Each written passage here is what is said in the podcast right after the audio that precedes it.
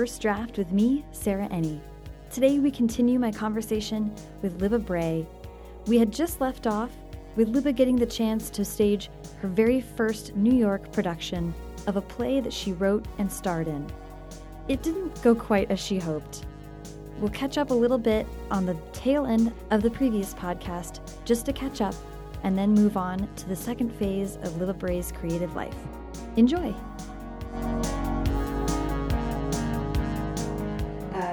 Gone to have breakfast, and I say, "Oh, I should get the Times because the review." And Barry, it's like he is taking a bullet for the president, and he jumps in front of me. He's like, "No!" And I thought, this does not bode well. Oh, no. I, I understand foreshadowing, and um, I can only say it was only three sentences. Mercifully, it was only three sentences, but they were the most excoriating three sentences. Um, on the plus side, I did learn the vocabulary word mawkish. Oh my god. Um, you know, so there's that. oh my gosh. Uh, the other words I knew. And yeah, he just tore it apart. Oh, and you know what? With good reason. Um, but I was devastated. Like I got to the theater that night, and when I got there, I have never experienced this, where people are having a conversation and they just stop and they part as if there's been a death in your family. Mm-hmm. And I thought, oh my God, we have to get through like three more shows. Oh my god. And oh my god, it was just Oh, no. so demoralizing. And I thought, here it is, I finally got a production in New York. I've got, you know, like this is my big moment. Yeah. And I stunk it up. Like, it not just stunk it up, but was like, oh my god, you know, like, we will never get that smell out of the carpet. Right. You have no reason for living. oh my my god. eyes, my eyes. and uh, you know, and I was just, I was devastated. Yeah. absolutely devastated, and I stopped writing Wow, because really? I just, I couldn't. I thought, I don't. Wow, I gave it my best, and my best wasn't good enough. mm-hmm. Of course, looking back on it, I I realized like, oh wow, I, I see that I you know had no idea what I was doing. That he was he was not wrong.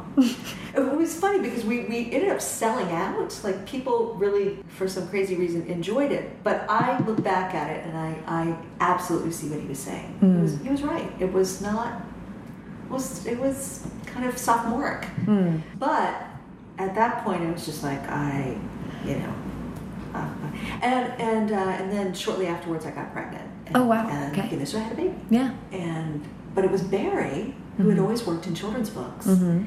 and YA, and he said, you know, I think you would actually really be good at YA. You should maybe you should write YA. Interesting. And I started reading all of this YA, which didn't exist when I was coming up. I mean, there was Catcher in the Rye, and Mhm. there was Separate Peace, Mhm. and there was Bell Jar, and those were the th- my three favorite books. You know, um, but there were YA as such didn't exist, and so I was, uh, you know, now then all of a sudden I'm reading Laurie Halse Anderson, and I'm reading, you know, David Levithan, and Mhm. Rachel Cohn, and Frances- Francesca Lia Block, and I just was like, Yeah. and, and you know, and, and um, Angela Johnson, and you know, it was just, I was blown away. Mm. I went, wow, this is, this is amazing, and I loved it. Mm-hmm. And then, um, Because your plays were were adult. There, Yeah. it was not an adolescent theme in your plays, right? Okay. right, and um, although interestingly, the the first play that I did, the the monologues, Mhm. I realized that two of the monologues really could be sort of, I mean, they were twenty early twenty somethings. Mhm. but there definitely had an adolescent flavor to them. And one Yeah. of the one of the characters was a child. But at the same time, I started taking this workshop that I dearly love, Mhm. and um, and just recently started taking again. Cool. And um, and it's led by a man named Aaron Zimmerman who runs a nonprofit called uh, New York Writers Coalition, Okay. which brings um, writing workshops into underserved communities. cool. But he does this other thing called Manhattan Writers and Brooklyn Writers, uh, and those workshops, you know, obviously they're paid, paid, Mhm. you know, you pay to take those workshops, and but it's nice to know that that money gets used for Right. things. Right. Um, I the first time I started taking this workshop, they had been they were doing one at the Barnes and Noble here in the neighborhood, Mhm. and I had a baby, which meant you know I just needed to get out of the house. Right. And I went and watched them, and then heard, heard them reading their their stuff, and I was like, wow, that's amazing. And so when I asked about it and was told that the way the workshop runs is that they give you a writing prompt and you write in that time, Yeah. and that you're only allowed to comment on what's strong. And my first thought was like, what kind of commie model is this? Where's the pain? and how can this be helpful? And of course, it's enormously helpful because the writing is so embryonic at that point that you, but when you feel safe, you take all those risks. Yeah. And that was Yeah. hugely influential. But I wrote my first YA, which was horrible. And I submitted it. Um, we were friends with Ginee Seo, Uh-huh. who's an editor at Chronicle now. Okay. And at the time, I think she was at Harper. Mm. But, you know, we knew her socially. And Yeah. so I said, hey, will you, do you mind taking a look at this? Mhm. And she very generously offered to look at it. she was taking notes, and then she said to me, I stopped halfway through, and I thought, because you wanted to be kind, you remember me like this. I don't. It would be like watching you try on a bathing suit in Macy's under fluorescent lighting. I just don't want to have that in my brain. Right. Uh, right. So she, she said, you know, I think that, that you, you need to learn how to write a YA book. Right. And I, what would be great is she said there are there's a book packager. Time they were called 17th Street Productions. They're Mhm. now Alloy. Okay. Yeah. Yeah. yeah. And she said, um, there's an editor over there named Ann Brashares. And uh, you probably never heard of her. She is looking for, she, she has a series called Sweet 16. And there's one that's set in the South. And they need a sort of funny writer to write something that's set in the South. Would you do something on spec for her? Yeah. And I said, sure. So I submitted something on spec, and she said, I think you could do this. And so thank you, Anne.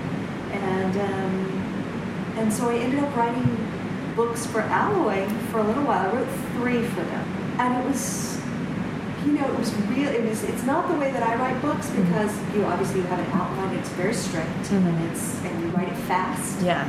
And you it, it's, it's probably a little bit more like um, the way some screenplays are written, which is you know like a beat sheet kind of thing. You write scene by scene by scene, Mm. and you nail that sucker down, Yeah. and then you're not deviating from it. You write it, big novel. Yeah. But it was it was great discipline, and I learned an awful lot about structure. Mhm. Uh, my first editor there was Anne, Mhm. and then on the next book series uh, was Melissa Sinnott, and then on the next book series it was uh, Cecily von Ziegesar.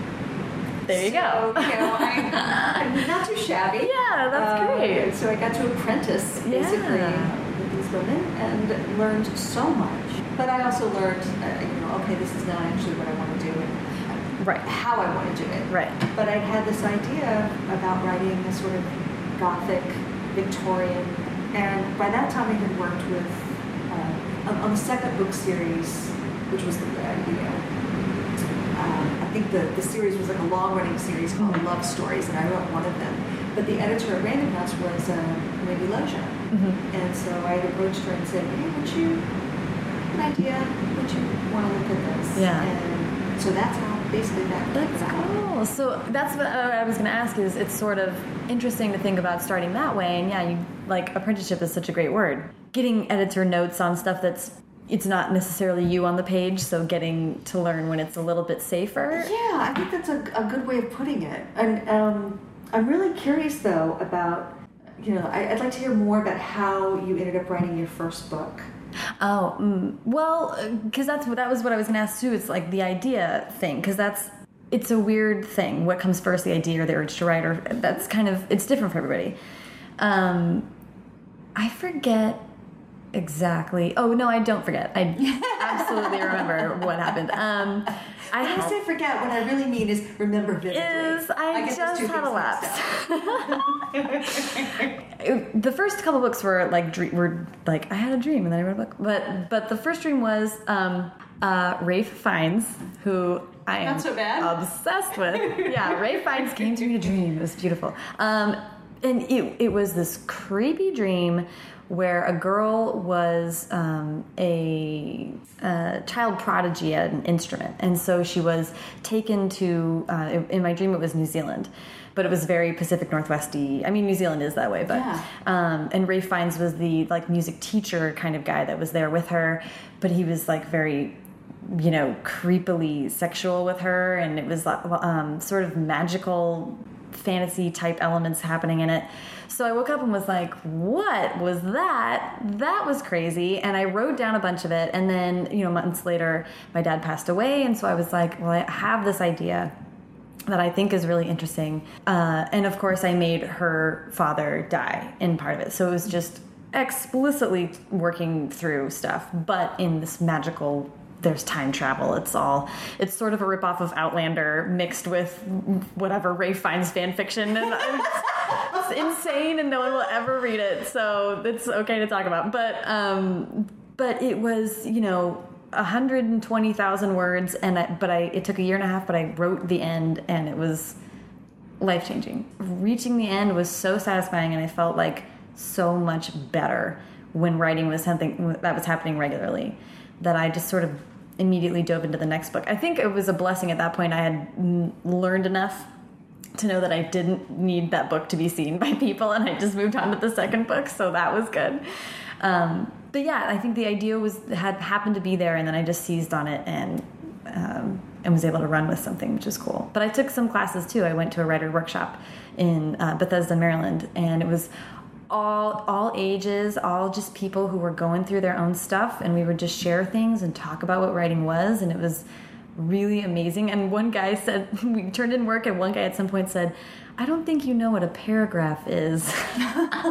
He said neither did Faulkner. Did you hurt him? Yeah, right. Well, and I was like, I'm a journalist. I know what a paragraph is. And then I went home and I was like, I have no fucking idea what a, what a paragraph is. so I went back and looked at books and was like, how did you choose to hit enter there? I don't get it. And like elemental things like that that were hugely helpful to work out in that safer, like a basement of some, you know, writer's house.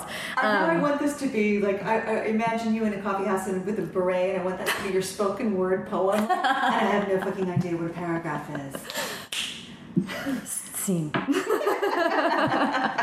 a long Wes Anderson stare. You are all on an orange stage. Uh, yeah, so so that, that's how I got started. But so, well, go ahead. Oh, I was just gonna say, like, has like when you write, um, do you do you write in a linear fashion? Do you write out of sequence? Do you do you Originally- outline, not outline? Yeah, originally I was all over the place and I didn't want to outline a bit. I just wanted to write what I wanted to write, and that worked great for the first book. It took forever. And I wasn't using Scrivener or anything. It was in Word, and I was like, Scrivener. uh, I learned to hate Word with a fiery passion. and so the first book was just whatever. The second book, I did a little bit of outlining, a little more. And then the third book, um, which has been the one that I felt the best about, I was like, I need to figure out what's happening. Like, this needs to be a, a structure. And even though my outlines change completely as we go, I wrote from beginning to end, and I and I rewrote it from beginning to end, and keep editing beginning to end, and it seems to actually work well for me. It's not. I don't feel like it stifles anything. How do you do it? Oh, the wrong way. well, you know, it's interesting to have this conversation now as I'm struggling with hmm. book two. You know, I, I have always been, I'm, I'm not a good outliner, mm-hmm. even though I learned to do things that way. Mm-hmm. Um, and I think part of that is because I, I do trust my unconscious. Mm-hmm. And I, I do like to kind of be able to f- be free to go down the rabbit hole. Um, that said, I think that that works better for certain books. Right. What is tough is to do that. You know, right now I'm writing this four book series, Right. And there's a long arc, and there there are individual arcs. I mean, there there are character arcs, and there are Yeah. There's the the plot line for the the book itself, Mm-hmm. plus the long arc, and all of that stuff, and it's all in my head, Right. Which is probably why I can never find my keys. and it's not to say that I don't try to outline. And Right. usually, what happens is that I kind of let my my mind go, Mm-hmm. and then at some point, I will come in and be like, "All right, let me try to impose a structure." And I'll start to outline. and I'll get to a certain point, and then I'll stop and say, "No, I just need to write," and I'll write. And it's that kind of thing. I have at last count for book two, I think something like fourteen different outlines. Really? And um, the last two were called Help Me Baby Jesus. And the last one was Jesus Can't Help Me. and then I tried doing like character art, you know, like let me map out the character arcs, let me map out the emotional threads. Um, I was I was actually just up at uh, Holly Black's house. And I refer to Holly as my Yoda, and she's enormously helpful because she is the, the matter to my antimatter. She is so structured, and because she is is so great about um, I think rules, like helping you figure out what the rules are for your your world, which is not something that I'm strong on. I have plenty of ideas, um, but you know, then when somebody says, "Okay, great," how does that beautiful and really interesting toaster oven work? Right. Uh, you plug it in, but there's no outlet there. You plug it into the invisible outlet. You know, so it, she's really great at, at, at that, and, and it was it was actually really helpful. Um, I mean, it's not surprising. She's often helpful, but she asked me. She said, "Okay, I know, I know that outlines are hard for you, and that we're not going to do that." But she said, when you had to do a beat sheet to um, take to adapt the uh, diviners into a screenplay, she said, "How how did that work?" And I said, "I said, yeah, I figured it out." And she said, um, "She said, did you do one for Lair of Dreams?" And I said, "I did kind of do one." And she said, "Was it helpful?" And she said, "Do you feel it was fairly accurate?" I said, "Well, I, I just did it recently, and yeah, I, I did feel that it was because I inherently, having come from a drama background, think in three act structure. It's an internal thing. I don't have to think about it." And she said, "Okay, that's great.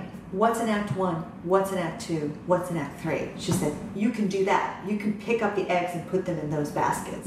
And so, uh, you know, I said, This is going to be painful. I'm going to want to get up. I'm going to invent, you know, I'm going to tell you that the house is on fire and we should run. And, you know, you should not fall for that unless you smell smoke. um, and she, she was like, Oh, no, I'm going to make you sit there. Uh, but yeah, I can't. I just can't seem to write that way. Um, I, Gayle Forman said maybe next time you should try, just as an experiment, writing in a linear fashion because I don't. I write all over the place. Right. And she said, just try writing from beginning to end and see if you can do that. Um, I feel like, I mean, maybe it's the toddler in me, but it's kind of like if that scene comes up and I feel it, I'm just like, nope, I'm gonna go with where what that is right Yeah. now. I don't know what it means. I have mm-hmm. no idea where it's going. Mm-hmm. I'm just gonna, I'm gonna go down the rabbit hole. So Yeah. I will always go down the rabbit hole. It's hard, and I did feel sort of scared that it was going to fall apart. But I think it helped in that if I was writing a scene and I was like, I am bored and I really don't want to be writing this scene, I want to be writing three scenes from now, that actually my brain would be like, well, what's in between then and now? Do we need it? And a lot of times I find like, no, let's just get her to the party right now. There, those were those three scenes were kind of silly. It's like you said, trusting yourself. I mm-hmm. did. I felt like, I think that I need to go with this feeling, which is my character really wants to be at this party. I really want to be at this party. Let's write the frickin' party. Why do we need to talk about what she eats for lunch tomorrow? Who cares? Let's let's go. So there's been a few instances where it's I write long, so it's tightened the book for an initial draft, which is really helpful. And in other times I'm like, well, what is it about this scene? Let's make it interesting. Let's throw some, you know, let, let's somebody bring a boombox and jump off a statue in the middle of the quad. Let's just make something weird happen. and that's fun to write. And then those scenes end up sticking around longer than a bunch of other things. So those weird like trapdoors that you force yourself to find have have been helpful for me big time. I, I mean, that sounds. I think it sounds right on. You know, I mean, um, and actually, as you were saying that, I thought, huh, have you ever tried a screenplay? Ah, I'm thinking about writing it right now. I have Save the Cat in my in my Save car. the Cat is great. Yeah. actually, I love Save the Cat, Yeah. which is it's weird for me to say because I'm I'm so not that kind of writer when I write Mm-hmm. um, a novel, and yet it really does sort of. I mean, first of all, it's three act structure, but it, Right. it really does force you to to think about like, okay, where am I going? What's what's next? Um, Yeah, yeah. it- it's an it's an organizational system. Uh, And you don't have to use it, but it's there. I feel like that's the, it's like a cushion. You're like, well, this has been done. People know how to do it. And I can always look to that if I'm totally lost in the desert. Well, and what's great too is that what it really does is organize things along emotional arcs. It's not just a tab A into slot B, Mm-hmm. it is what happens to these characters emotionally Yeah. that turns the tide, that, you know, Yeah. that, that takes you into, into the next act. And that I could get behind Mm-hmm. because that to me, in terms of an organi- organizing principle, makes sense. Mm-hmm. Where just pure kind of like plot, plot, plot, plot. Now things blow up. Exactly, blah, blah. exactly. Which is, you know, just kind of like so many movies being made today. Right. It's like Barry and I were saying, why haven't we seen a movie in a long time? Oh, right, because they're not making movies for grown-ups. like, like, like, like there's there's no movie we actually want to see. Right, right, right. Um, yeah, and I think Save the Cat gets a lot of heat. There was that article that was like, "Why do you all? Why are all movies the same?" It's look at this book. That's why, and it broke down all these things, and it was like, so the next time you go see Transformers, like look for this and blah blah blah. And I was like, but I think what you're saying is right. Don't don't blame a method. It's if you read it, it's it is about character. It is about about you're supposed to care about someone, and just because those beats then also work in Transformers, like Right. I think what what I how I interpret Save the Cat is what are the emotional stakes, Mm-hmm. not what yeah what what's the next thing that's going to blow up. Right. What what are the emotional stakes? Why does that thing blow up if it's blowing up? Right. I mean, I have no and how does that impact the people we care about? exactly. Yeah, yeah. Um, so I actually have found it, even though I don't necessarily write in that sort of linear Yeah. fashion, it is a really helpful organizing principle. Yeah, yeah, yeah. Good to just have in the back of your mind, I think. Yeah, Um, absolutely. Do you mind if, if I ask about Barry really quick? Uh, you can ask about Barry. He's upstairs. When did you guys meet? We met actually my first job in New York at well, I guess second job in New York um, when I was working at Penguin. Um, oh my God, that was so Texan. Penguin. Penguin. Which, by the way, when I worked there, I had to learn to say penguin on the phone because Train nobody knew what I was talking about. It's like when I turned to one of the, the ladies I worked with and I was like, um, I need to write something down. I was like, can I have a pen? And she handed me a straight pen. And I was like, no, a pen. It's um, but uh, yeah, so I I was in this big bullpen that was um, you know where all the publicists sat. I was in mass market, adult mass market publicity, Okay. and he was working in children's subrights. But there was a fax machine that was right outside where we sat. And he would come over to use the fax machine, and so. At this point, you know, I, in my illustrious dating career, I could not get arrested. And I was I was sort of in a sea of guys wearing Dockers, and I was like, you know, where are my rock and roll boys? Mm-hmm. And all of a sudden, this guy comes through, and at the time, Barry had this hair down to the middle of his back, like ringlets, Amazing. and he had an earring. And he was wearing, I think, like a boiled in lead T-shirt or something. Nice. You know, and he so he's wearing a T-shirt and jeans, and he's got this wild mane of hair and an earring, and he comes over, and I was like, that one, that one will be mine, into my will. And uh, so, you know, I was I was intrigued, and then I think it was months later, I got mugged in New York. Oh my so It was like April. So I, you know, like that must have been like early spring, February-ish or something. And I was like, oh, that boy's cute. And then around, so it was, it was. I remember it was, it was Easter weekend. ah. It was Good Friday, and I had stayed late at work, and then I had gone to see a movie. Mm-hmm. And at the time, uh, my best friend Eleanor and I lived on 39th Street between 2nd and 3rd, Mm-hmm. near the bucolic Queens Midtown Tunnel. and it was just a, you know, it's a business district, so it, Right. it gets deserted. It is deserted after like 7 o'clock. Yeah, yeah. And so it was like 9.30, I was coming back, and I lived in this, you know, fifth floor walk up in this crappy building, Mhm. and I was, I, there's two sets of you know glass doors, just the the little vestibule that Right. you know you come through, and um, so I just kind of pushed through, and I'm up the first, I'm going up the first flight of stairs, and all of a sudden, I hear somebody coming through the door, and this is how naive I was. I turned around and I was like, that must be one of my neighbors I haven't met yet. And then the guy pulls out a gun, and I thought, oh my God, it's an undercover cop, and he's going to kill the guy behind me. And I turned to see who must have been standing behind me. And then it all clicks. I'm like, wait. And just about that time, the guy like threw me down the stairs. And I'm like hitting at him, and he starts punching me and starts pistol whipping me. And and I'm screaming bloody murder, and nobody comes out. And I was like, you know, I was like, what do you want? What do you want? And he was like, he was like, where's your money? Where's your money? I was like, just take my bag. Yeah. And I had at the time, this was before I had a computer, and I had been handwriting a new play. I had 50 pages handwritten, and I was like, just take it, just take it. And of course, I, I it's a publishing salary, which is like, you know, I remember I had bought a new lipstick, which was a huge, huge investment. You're like, Yeah. I have a new lipstick.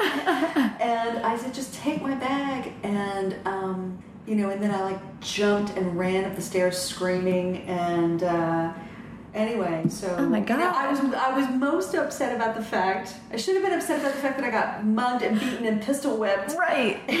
by a guy with a gun. And instead, I was like, "Those 50 pages of my play, and it's gone." Oh god. But, um, it's all upsetting. but when I showed up to work the, the, the following Monday, that happened on a Friday. Uh-huh, so, uh-huh. so I showed up Monday, and by this time I have I'm sporting a shiner, yeah. And I'm at the fourth floor copier, which a penguin used to break down all the time, and it was the spawn of Satan. and as Barry tells the story, he was coming in to use the copier, and he was like, "There's this cute redhead at the copy machine cursing a blue streak." He said, and then you turned around, and I saw that shiner, and I thought. Jesus, what does the other guy look like? and that's how we ended up just talking. Wow. And we found out that we were both looking for apartments at the same time. We both needed to move that summer, and so we would kind of share information. Yeah. And eventually, I just thought this guy is never going to ask me out, and I just so I asked him out to a movie, and he said, "Oh, I've seen that movie." Crickets. and later, he, I was like, "Why did you say that?" And he said, "Because I had to pack. I was moving the next day, and I thought if I said to you, I'm packing, that that would be awful, and you would never talk to me again." I was like, "You're right. There's only one good answer, and that is yes. That is the only correct answer, and." You are just dumb as a box of hair, and you are just so lucky so lucky. I just tell you every day how lucky you are. Uh, no, he, so so. But Oh then he said, well, since we were moving on the same day, he Mhm. said, um, why don't we, you know, why don't we meet up afterwards? And so we met at the old knitting factory, Yeah. which used to be on Houston, Uh-huh. which was midway between our two apartments, and Cool. like that was it. We just like had such a great date, That's and awesome. that was that was that was how it went. That's cool. So was he also sort of just out of college, or is he a little? Yeah, yeah, he was he was pretty much just out of college, and he was um, he had come to New York because he thought he wanted to be a science fiction editor, Ooh. and then got this job doing subrights. Mhm. And as he tells the story, after I think it was like after a year in subrights, a job opened up for a sci-fi editor, and he was like, "No, I love this." Wow. Yeah, Interesting. Interesting. When did he move to the agenting side of things? Um, Josh, our son, was about almost 2 Mhm. so that was it was actually it was 2001, and he had been working at Orchard, which had been bought by Scholastic, and so Mhm. things were you know in flux, and he just said, you know, he he wanted to be an agent for a really long time. Mm-hmm. So the two of us basically, because that was I was just writing A Great Terrible Beauty, so as you can imagine. Those were some lean times. Yeah, yeah. Wow, you're starting an agency and I am writing a novel and we are barely have health insurance and we have a toddler. Right. Right. Right. Why do anything halfway? Why? We're all in. Oh. So that's I, what I think is funny is that you sort of came to New York and and, and were involved in in publishing with with novels, and you're dating and eventually marry a guy that's in in novels in children's books, and then it sort of takes a few steps for you to also get there. But it was clearly the right place. I just think it's funny that it's like you got corralled. well, you know, there's that great, I think it's John Lennon who said this, that great quote where he uh, says, life is what happens when you're busy making other plans. Mm -hmm. Mm -hmm. Ain't it the truth? Have you, have you, um, have you found that, that many of the things in your life were sort of accidental or? I have a weird thing where I feel like I end up doing things that are, that, I don't know what this is, and you probably, I think you may feel the same way I feel like I end up doing things that I look back and I'm like, what the hell was I doing? That was like a huge thing that I was terrified of. I was like, why the hell would I go into journalism when I'm terrified to talk to strangers? like, really? why would I do that? And uh, just, there's a few different things where I look back and I'm like, I don't understand how because it's not bravery it's like fumbling idiocy that you're like well i don't know i guess i guess i'll do this and, but but it forces you into new situations that challenge you and, and make you grow and become a better person. So I feel like that's what I can trace most is me just kind of stumbling into stuff that I was like, well, I'm really glad that I did that, even though it was probably the silliest thing that I could have picked. So I don't know. I I kind of want to talk just like like Barry and then like the writing community in New York. Yeah. I do want to sort of talk about that. Like um, you meet Barry, he's already sort of in the publishing world then you kind of take a step into the publishing world. Well, you know, it's funny because when I met Barry, he was just like, he was publishing, you know, peons. Mm -hmm, I mean, mm -hmm. but he, you know, he stuck with it because he wanted to. That was what he wanted to do. Was mm -hmm. He mm-hmm. really wanted. He loved rights, mm-hmm. and he really wanted. I, I, I, can remember actually, we were in Washington Square Park one time on a date, and. Um, you know, was thinking like, well, what is, what is your dream? Mm-hmm. Ah. Um, and he said, I really want to be an agent and that was years before he became an agent. But um, but you were asking about the community. What would you What yeah. would you like to know? Well, sort of just how this. I mean, in who makes the best guacamole? Yes, I would, need that would be me. I'm not. I'm not going to the front. That would be me. However, oh, you are from Texas. You, gotta tell you, Gayle Forman also makes some awesome guacamole. I think a contest would be beneficial to all. Guac down. Guac fest. Um, I'm curious about how a community uh, was the community there for you when you started looking into YA, or did it develop during? How did how did that sort of come about? I think there has always been a strong children's and YA community. Mm -hmm. um, some of the loveliest people, you know, somebody who is absolutely wonderful is Cynthia Leitich Smith yeah. in Texas. Yeah. Um, I love Cyn, and she's you know she's just she's so positive and, and loving, and um, and I think she's really great about supporting people. Mm -hmm, mm -hmm. Um, so you know, like I think about some of the people who were who were so kind when I was first starting out, and Cyn certainly comes to mind. Mm -hmm. And by the way, I never would have written Going Bovine if she hadn't uh, really made me. made you. Uh, so, um, you know, but also obviously David Levithan, I think, did an awful, I mean, he's sort of the, our, uh, the social director. Mm -hmm. He started something called uh, Teen Author Drink Night. Mm -hmm. And it was just a way for people who wrote YA to kind of come together. Yeah. Because there were so many of us in New York. Mm -hmm. um, we would see each other at publishing events, and mm-hmm. then it just uh, um, you know, I mean, I think when you find out that somebody lives near you and, yeah. and think, wow, why don't we get together? Yeah. Um, that just it just sort of seemed to happen. I, yeah. I don't. I'm like I'm thinking back. Like, was there was there anything in particular? I mean, certainly I think about David hosting Teen Up Drink Night. Right. Right. Which right. was where I met. Like that was the first time I met Scott Westerfeld mm -hmm. and Justine Larbalestier. Mm -hmm. And um, and I, I think that was also the first time I met John Green. Wow. Sarah Gibbs. Because, yeah, he was in New York for Yeah. Yeah. Absolutely.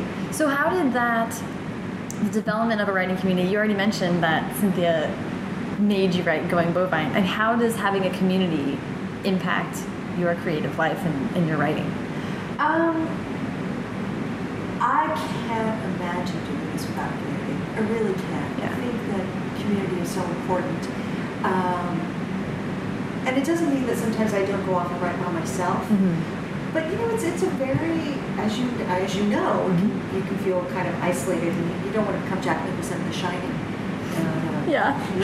Who was that strange woman in her bathrobe, wandering the streets, muttering, making a paper chain?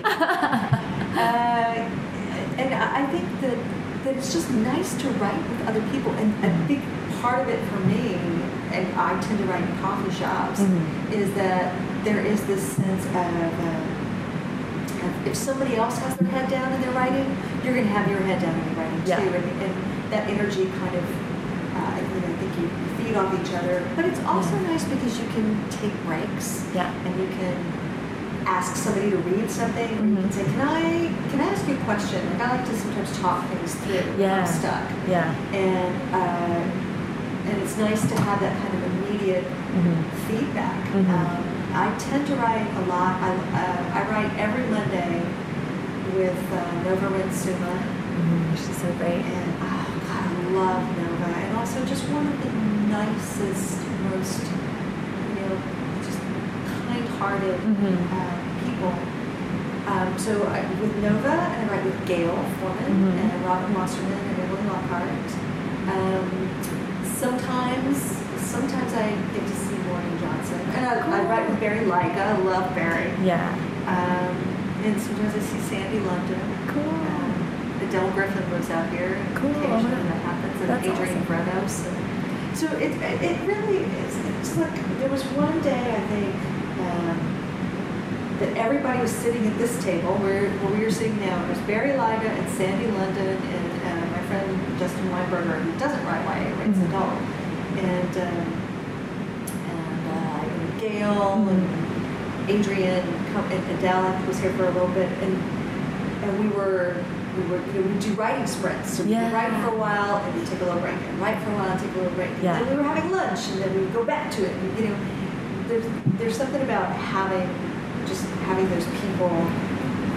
Uh, sort of sort of like in the cafeteria Yeah. for eight hours a day. Yeah, yeah, yeah, yeah. And that doesn't pay you. Oh yeah, Yeah, yeah. yeah. Um, that I've done that too. It's like, and it's so great because it's full of love. It's a loving situation, and it's also really like it gets me in the competitive bone. Yeah. It's like, don't you look up? And you like look up and you look around, and if someone sees you, they're like, um, You know, and the other thing that's cool too is that there's so many. Um, is that you end up meeting uh, writers who live in other places, Mhm. and sometimes you know you do events together, and then you have those friendships too. So, oh, if I go to Utah, I can go see Shannon Hale Mhm. or Sara Zarr. Mhm. If you know, if I'm in DC, I can go see um, you know. Uh, Jon. Skovron or Mhm. Maggie Stiefvater is not too far, you know. yeah. Um, It's so yeah. It's I mean, this is what ma is making the road trip possible. Is just people that I met online and why people are so they're so generous and open hearted. I don't. I feel I, I um was it Natalie I think was saying that uh, her friends that friends that write adult are sometimes mystified by and and envious of the fact that it really is.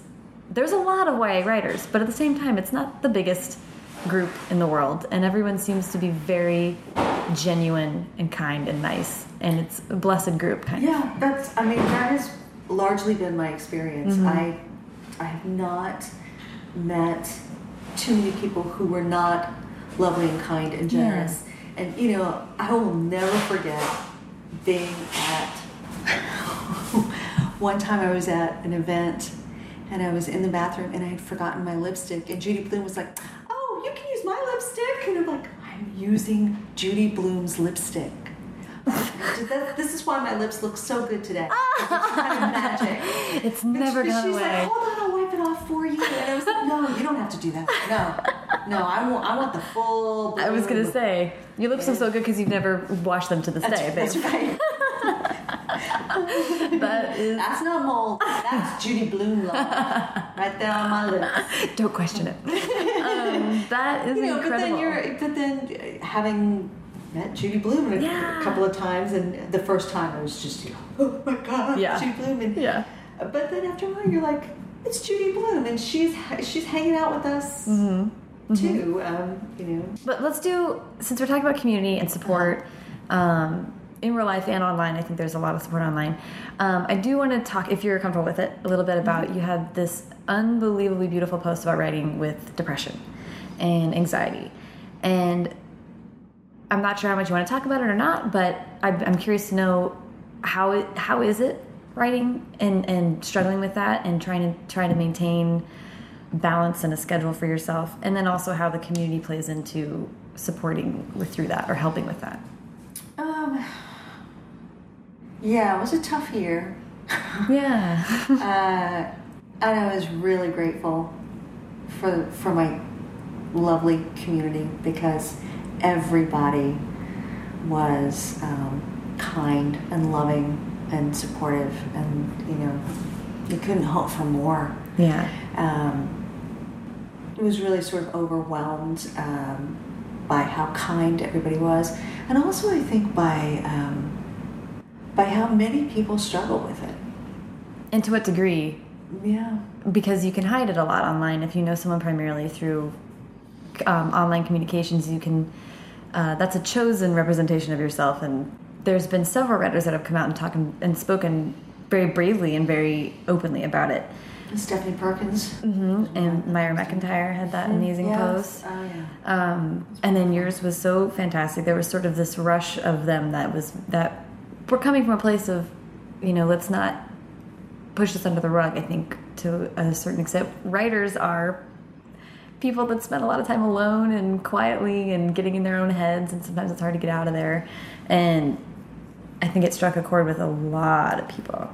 It's you know it's really tough. I think that um, I you know this is not unique to me. I think a, a lot of people talk about this. That you know there's the struggle when you're writing about uh, how much how honest you are, and I certainly in the fiction I always think about um, Jennifer Jacobson, who's a really great writer, had said one time that when she sits down, she asks herself, "Is it true yet?" And the other thing that I was thinking about is something a friend of mine, Maureen Leary, who's an adult short story writer, um, had said about a book that she had read that had been very lauded. And she said, You know, I couldn't help feeling that it didn't cost the uh, author anything to write it. And that stuck with that. She said that a good, like, you know, 13 years ago or mm-hmm. something, and, and it stuck with me.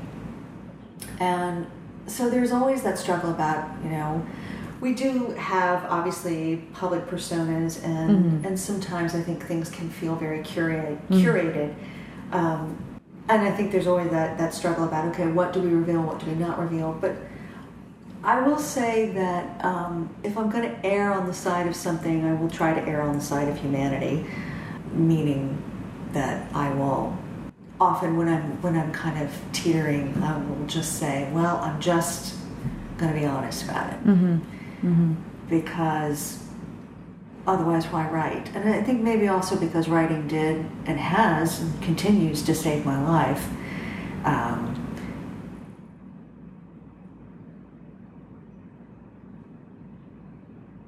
hmm. Um, We don't have to talk too much about it.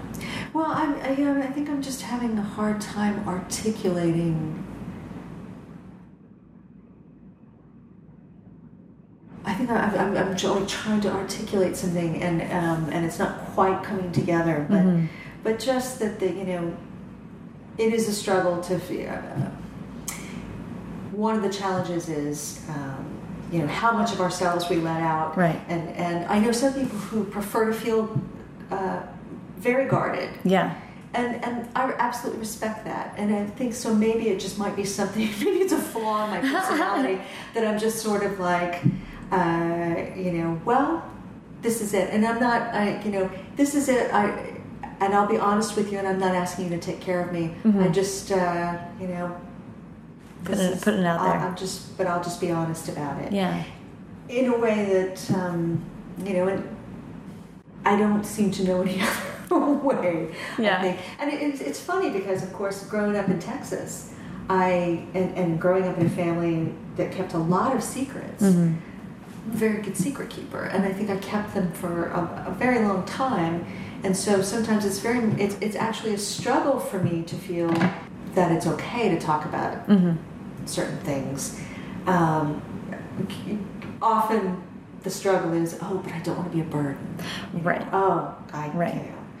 Um, and and also I, I think because so many writers are introverts, there's a there's a often a discomfort with. Um, which actually I think gets back to the stage fright. Mm. There's a discomfort with being in the spotlight or having too much attention. I, I often find that very uncomfortable. Yeah, I think one of the things that I'm that I struggle with as a human being is just about, uh, and, you know, it's one of the things that I guess we all do is is about trying to integrate all your parts and all your Yeah. selves Yeah. and figure out um, how to live as honestly and as genuinely as possible. Yeah.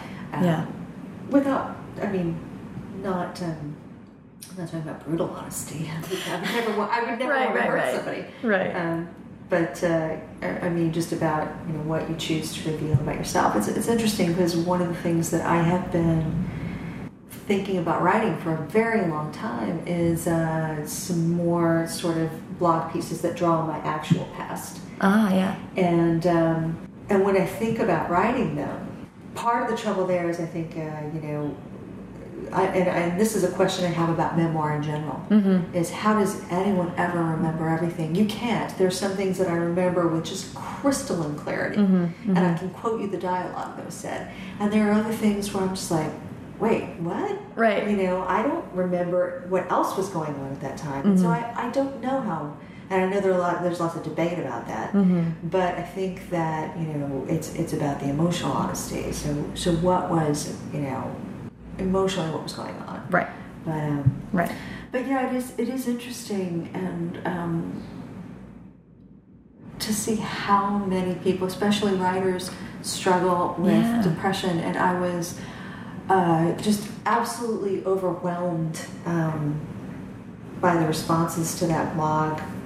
And um, It was yeah. It was like a, it struck a chord immediately. I remember that when that came out, it was just like everybody was clicking the same link and everyone was reading the same thing for like two hours on Twitter. It was like, let's all talk about this, um, in, in a, an amazing way. Like anything that that can spur a, an honest conversation about that kind of thing, or help someone realize that that's maybe what they're dealing with if they didn't know that that's what that feeling was. I think a lot of people deal with struggle with that on a lot of different levels identifying it dealing with it admitting to it all those things so I think that we all are very, very hard on ourselves, and it would be nice if we could uh, be kinder to ourselves. Yeah. And, um, i think that's the lifelong struggle yeah, yeah. I mean, you know, the, the, that kind of, and I think especially, especially when you're a teenager and you don't have context for a lot of things, that Yeah. that kind of self-loathing or um, that that spiral,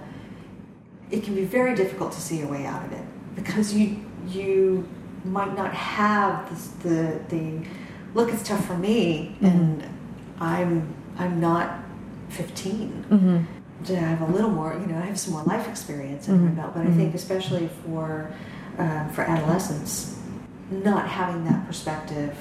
Um, and not feeling like you have autonomy i mean the whole it gets better is the is it's in- incredibly difficult at that age to really grasp what a non-high school structure and what a non adolescent life is well, and I think that we all have the idea that somebody else has the manual for happiness, and that we're on the other side of the glass looking at it and going, "There's something fundamentally broken or wrong about me Yeah. because I don't feel this," and and that of course things are cyclical. Mm-hmm. Um, and I'm, I'm not separating this a little bit from depression because sometimes depression can be a number of things, but Mhm.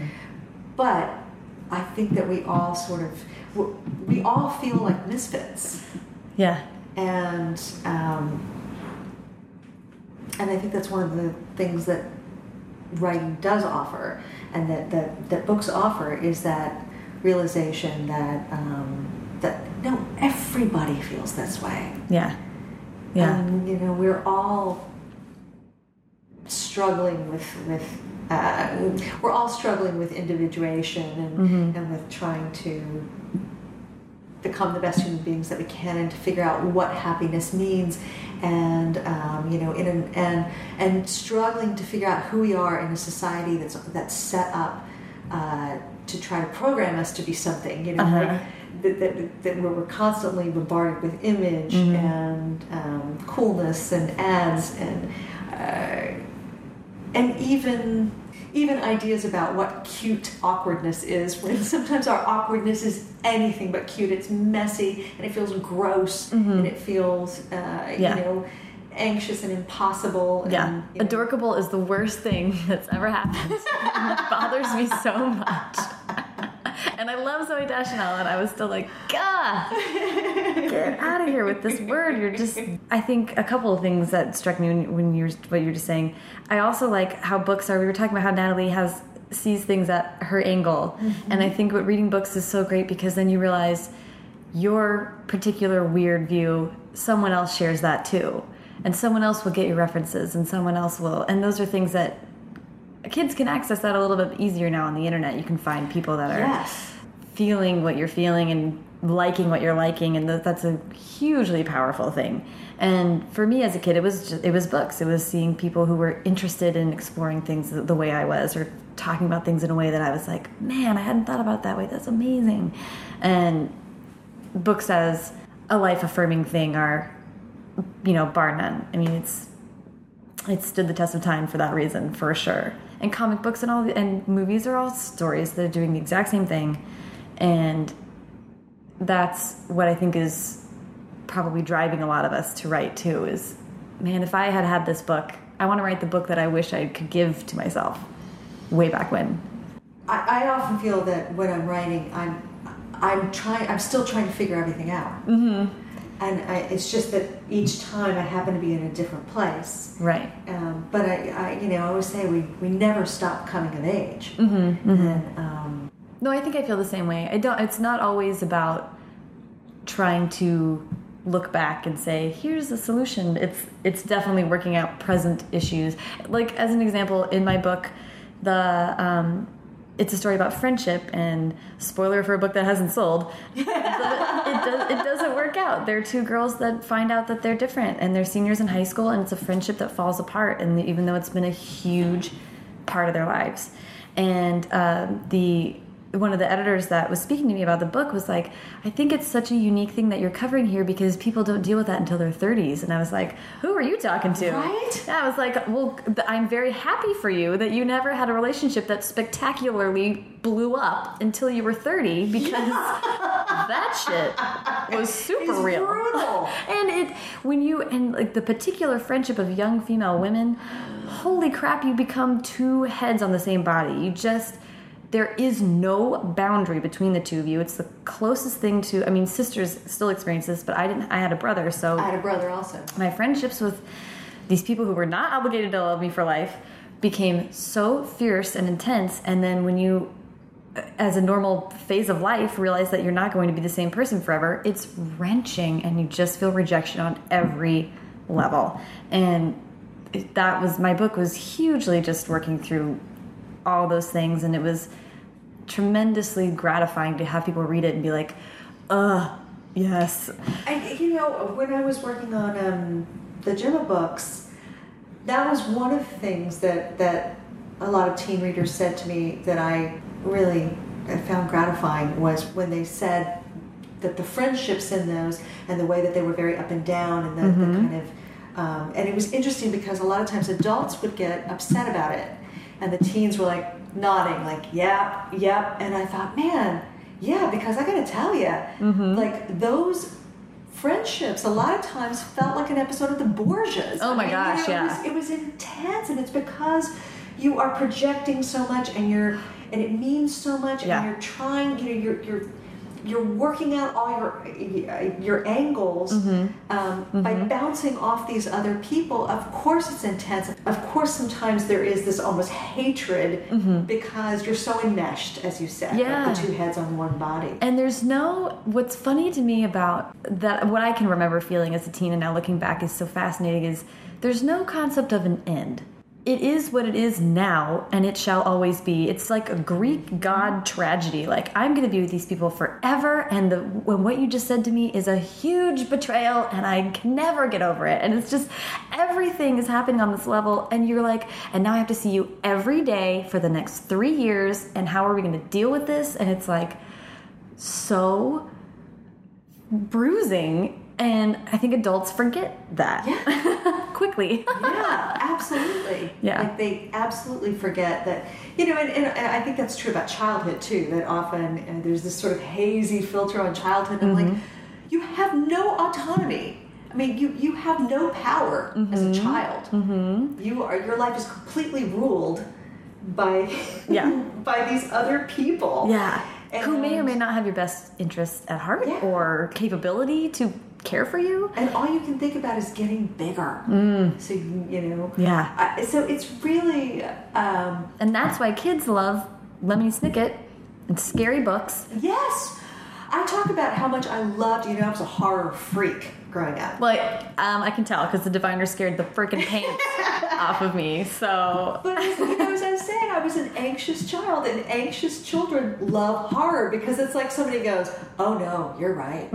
Yeah, No, Yeah. there's bad shit." yeah, right. That thing you think is under your bed, ten times bigger than you were even worried about. That's right. But hold on, because I'm going to arm you. Yeah. and, and and so it, it's yeah, it's like uh, I, I so uh, you know as you know, it's, and it's, it tends to be the Wall Street Journal. oh, the Wall Street Journal. You bring the lols. Oh, Um, yeah. you know they always like to publish an article about dark YA. and Yeah. How it's ruining people, and I'm Yeah. like.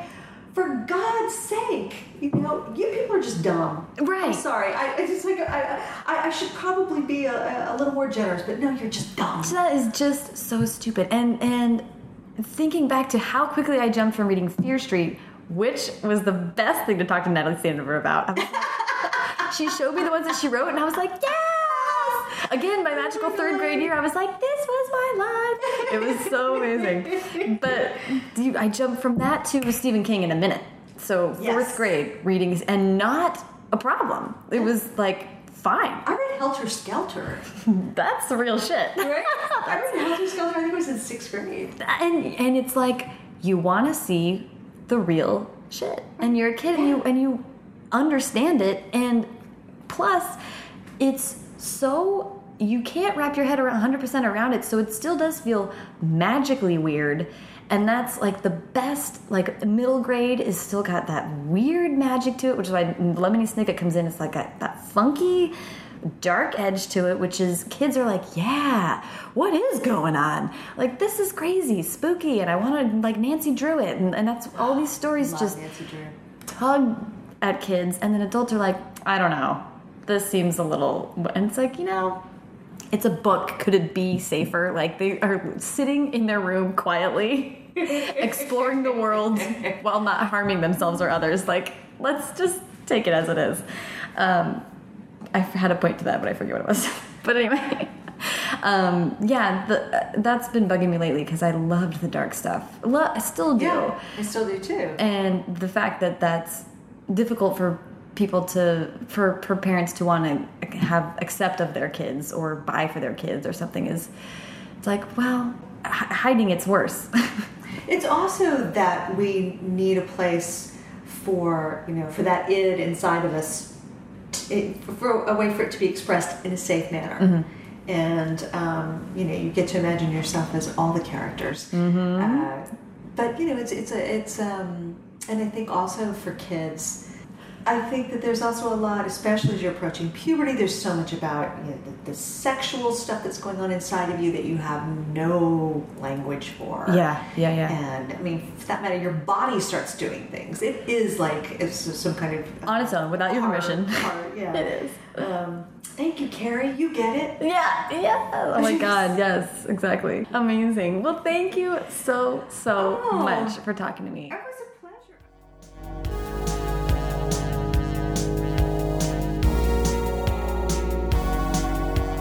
Thank you so much to Libba. Follow her on Twitter at Libba Bray. Follow the show at First Draft Pod and me at Sarah Enni. Thank you so much to Hash Brown, who composed our theme song. And thank you to Colin Keith who designed our logo. And as always, thank you so much for listening.